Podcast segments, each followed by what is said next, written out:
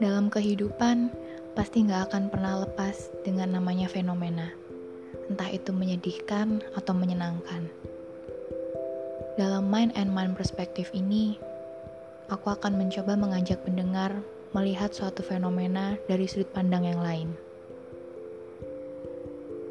thank you